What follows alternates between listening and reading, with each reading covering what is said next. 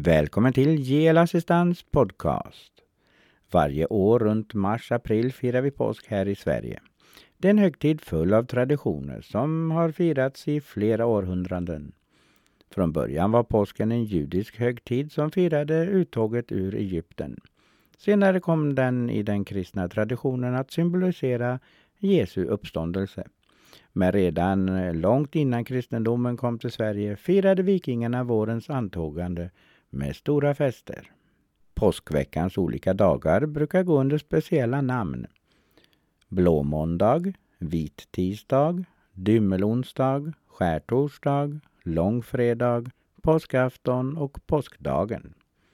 På dymmelonsdagen brukar man sätta små roliga lappar på varandras ryggar. Och förr så var långfredagen en sorgens dag då affärerna var stängda och man var tvungen att hålla sig stilla för att hedra Jesu lidande på korset. Det finns massa traditioner kring påskfirandet. Bland annat brukar man ta in påskris och klä det med fjädrar. Att måla påskägg är också en vanlig tradition. Runt om i Sverige klär barnen ut sig till påskkärringar och tigger godis eller lämnar påskbrev. Förr trodde man att häxor flög på kvastar till Blåkulla. De red på kor och kvastar och ibland kunde de röva med sig barn. För att skrämma bort häxorna sköt man i luften och tände stora brasor. Dagens påsksmällare är ett minne ifrån detta. Jag heter Jonas Lundström, en snus och kaffe på detta, så kör vi igång det här avsnittet.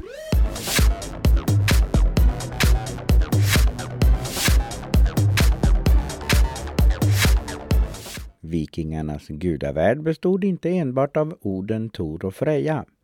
Året runt åkallade nordborna gudarnas styrka. När de var sjuka, skulle gifta sig och till och med när de skulle åka skidor. Kvaser, visdomens gud. Bland vikingarnas gudar var Tor den starkaste, Freja den vackraste och Oden den visaste. Eller så har det i alla fall länge sagts. I själva verket hade Oden inte det vassaste intellektet. Enligt den yngre Eddan tillföll den äran guden Kvaser, som var den visaste av dem alla.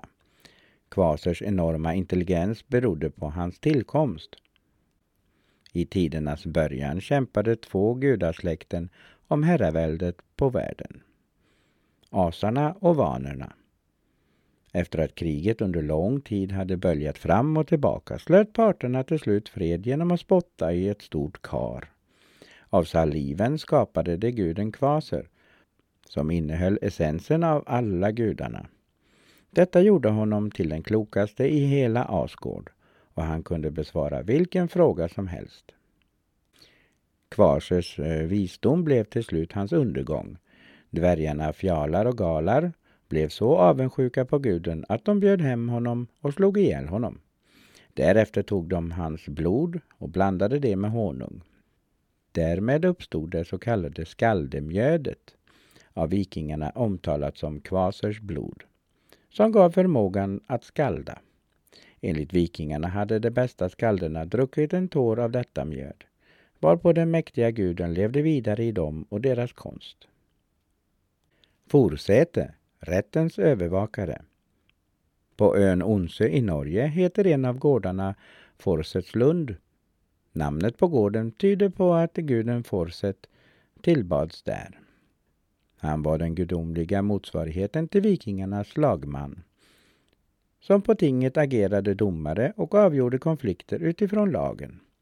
På samma sätt avgjorde Forset gudarnas tvister när de uppsökte hans säte i tingssalen Glidnir med pelare av guld och taket är gjort av silver. Eir, läkekonstens gudinna. Vikingarna hade goda kunskaper om medicinalväxter och hur de kunde användas som medicin. Ibland behövde de dock lite extra hjälp och i sådana situationer åkallade de Eir. I Eddorna berättas det att hon levde på berget Lyfaberg, läkedomsberget, och i texterna beskrivs hon som en extremt bra läkare. Sannolikt var hon vikingarnas viktigaste gudinna för läkekonst och tillfrisknande. En del forskare hävdar att gudinnan Eir i själva verket var en av Odens valkyrior, som tog stupade krigare från slagfältet till Valhall. Vidar, den ungdomliga styrkans gud. Guden Vidar var så beundrad att han på 900-talet avbildades på ett stenkors i den engelska staden Gosford. På korset slåss han mot Fenrisulven omedelbart efter det att han har dödat hans far Oden. Vidar bodde i landet Vide där han red runt och tränade med sitt spjut. Utöver sin enorma styrka, som överträffas endast av Tor, var Vidar mest känd för sin tysthet. Enligt historikerna hänger det ihop med hans roll som hämnare. Vidar avstod från att tala tills han hade hämnat sin far under Ragnarök. Att avsvära sig saker var inte ovanligt under vikingatiden. Till exempel svor skalden Gunlaug i en saga att han inte skulle återvända till Island förrän han hade besökt tre jarler och tre kungar. Brage, skaldekonstens gud. När en stupad viking anlände till Valhall kunde han ha sådan tur att Oden skickade Asgårds mest vältalige gud, Brage, för att hälsa honom välkommen till dödsriket. Sådan ära tillföll inte alla och källorna tyder på att endast kungar kunde förvänta sig det. Till skillnad från de andra gudarna kan Brage ha ett mänskligt upphov. Historikerna gissar att han härstammar från den norske skalden Bragi Boddason, kallad Brage den gamle, från 800-talet. Bragi kom från Västnorge och de tidigaste skaldentroféer historikerna känner till är skrivna av honom. Hans skicklighet som skald innebar att han efter sin död med tiden fick status som gud för sitt hantverk. Skade, gudinna för jakt och skidor. Att ha en gudinna för jakt och skidåkning kan verka underligt, men för vikingarna var det naturligt. I Skandinaviens bergstrakter var skidor nämligen det viktigaste transportmedlet. När snön låg tjock på fjällen var de långa platta plankorna det enda sättet att förflytta sig mellan de olika platserna. I synnerhet när vikingarna skulle jaga var skidorna avgörande. Med dem kunde de snabbt och relativt ljudlöst förflytta sig genom skogen.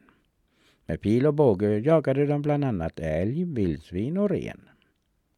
Gudinnan för skidåkning och jakt var jättekvinnan Skade, som enligt Eddorna åkte runt på sina skidor och fällde vilda djur. Skaders namn dyker upp även i orts och platsnamn i Norge och i Sverige, såsom norska Skojde och Skåbub samt det svenska Skadevi.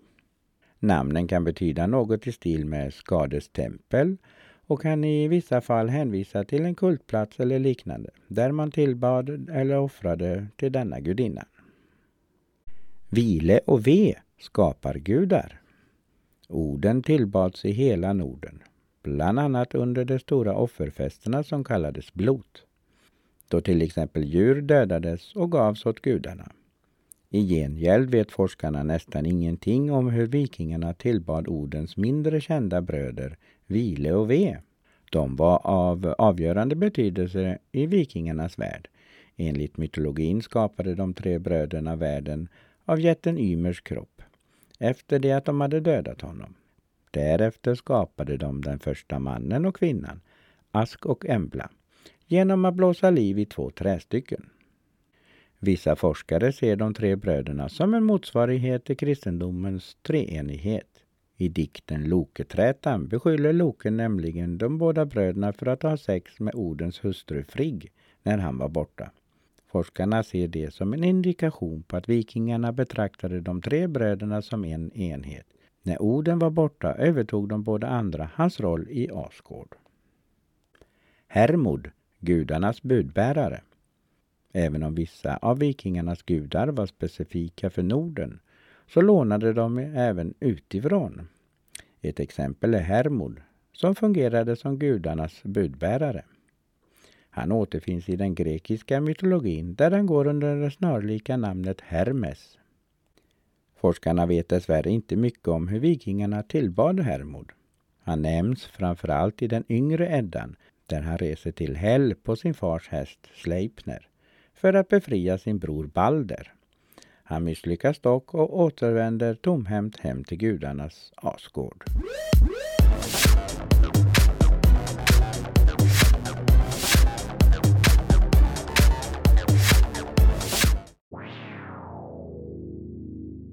Visste du att månader som börjar på en söndag innehåller alltid en fredag den...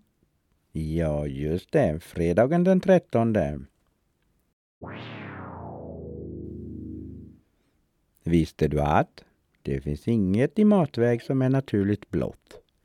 Nu tänker du på blåbär, men blåbär är lila.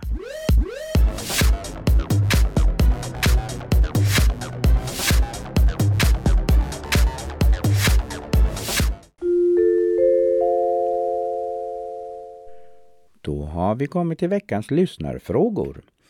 Anders undrar om man kan ha sommartältet uppe året runt.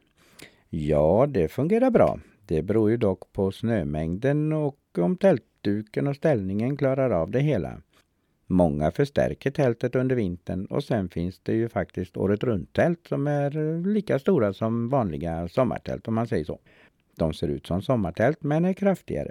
När man har uppe ett så pass stort tält under vintersäsongen får man ha koll så att det inte blir för mycket snö på taken. Då får man helt enkelt ta bort den snön. Själv hade jag sommartält på vår, sommar och höst. När vintern började komma så bytte jag till ett vintertält. Men det förutsätter ju att man har något ställe man kan ha sakerna som man brukar ha i sommartältet. Så man kan förvara dem över vintern. Ett mycket bra alternativ är ju att skaffa ett standby-tält. Det är ett året runt-tält och man kan helt enkelt koppla loss det från vagnen om man behöver ut och åka med den. Då står tältet kvar. Sen är det bara att koppla på vagnen igen när man kommer tillbaka. Här är en fråga från någon som inte jag vet vad den heter riktigt, för den har inte skrivit sitt namn. Eh, hörde i tidigare avsnitt i din podd att din son också är skattletare. Har han eget tillstånd eller söker han på ditt? Nej, han kan inte söka på mitt tillstånd. Tillstånden är personliga, så den som har fått tillståndet får söka med metalldetektorn. Men alla får ju gräva. Det förutsätter dock att det är okej okay med markägaren att det är fler som gräver. Eh, men jag gör så ibland på mitt stora område att jag söker och så har jag familjen eller kompisar som hjälper till med grävningen. Tänk då på att pinpointen är också en metalldetektor som kräver tillstånd. Så att det är bara grävning som är eh, fritt. Charlotte skriver, ser i din blogg att du lagar och bakar fantastiskt mycket mat i din husvagn. Sån mat som jag knappt ens lagar hemma i mitt eget kök här i huset. Ser otroligt gott ut men luktar inte matos i vagnen. Ja, jo, jag tackar för detta. Jag lagar mycket mat, bakar och när jag hade husvagnen och bodde i den permanent så mm, lagar vi mat varje dag. Eh, men eh, nej, jag tycker inte att det luktar någonting speciellt. Inte någon av mina gäster har sagt någonting om det heller. Nu hade ju min vagn en köksfläkt i och för sig och ofta var ju fönster och dörrar öppna om vädret tillät. Mm, som svar på din fråga, nej. Jag tycker inte att matoset sätter sig i vagnen. Sedan är det ju många som bor i husvagnen som har ordnat kök och sådant ute i förtältet faktiskt. Och då är ju det eventuella problemet borta med matos i vagnen. Bengt skriver, du ska ju till Brasilien och söka med detektorn. Verkar helt toppen, blir så avundsjuk. Men hur fungerar det med tillstånd där borta? Ja, det ska bli riktigt kul och dessutom är det mitt första besök i Brasilien. Så jag är så nyfiken på landet som sådant. Ha kontakt med myndigheterna där vi ska bo. Det är inga problem så länge man håller sig på allmän mark när man söker, annars krävs tillstånd ifrån markägaren. Eh, vi kommer att vara ut med kusten kring eh, en stad som heter Natal. Massa långa stränder med massor med folk som förhoppningsvis tappar en hel del. Så det verkar lovande. Har kollat eh, och det är någon gång ibland som det syns någon med metalldetektor på de här stränderna. Men det är inte så där speciellt ofta. Så att det borde finnas en hel del som ligger där gömt och bara väntar på att få komma upp.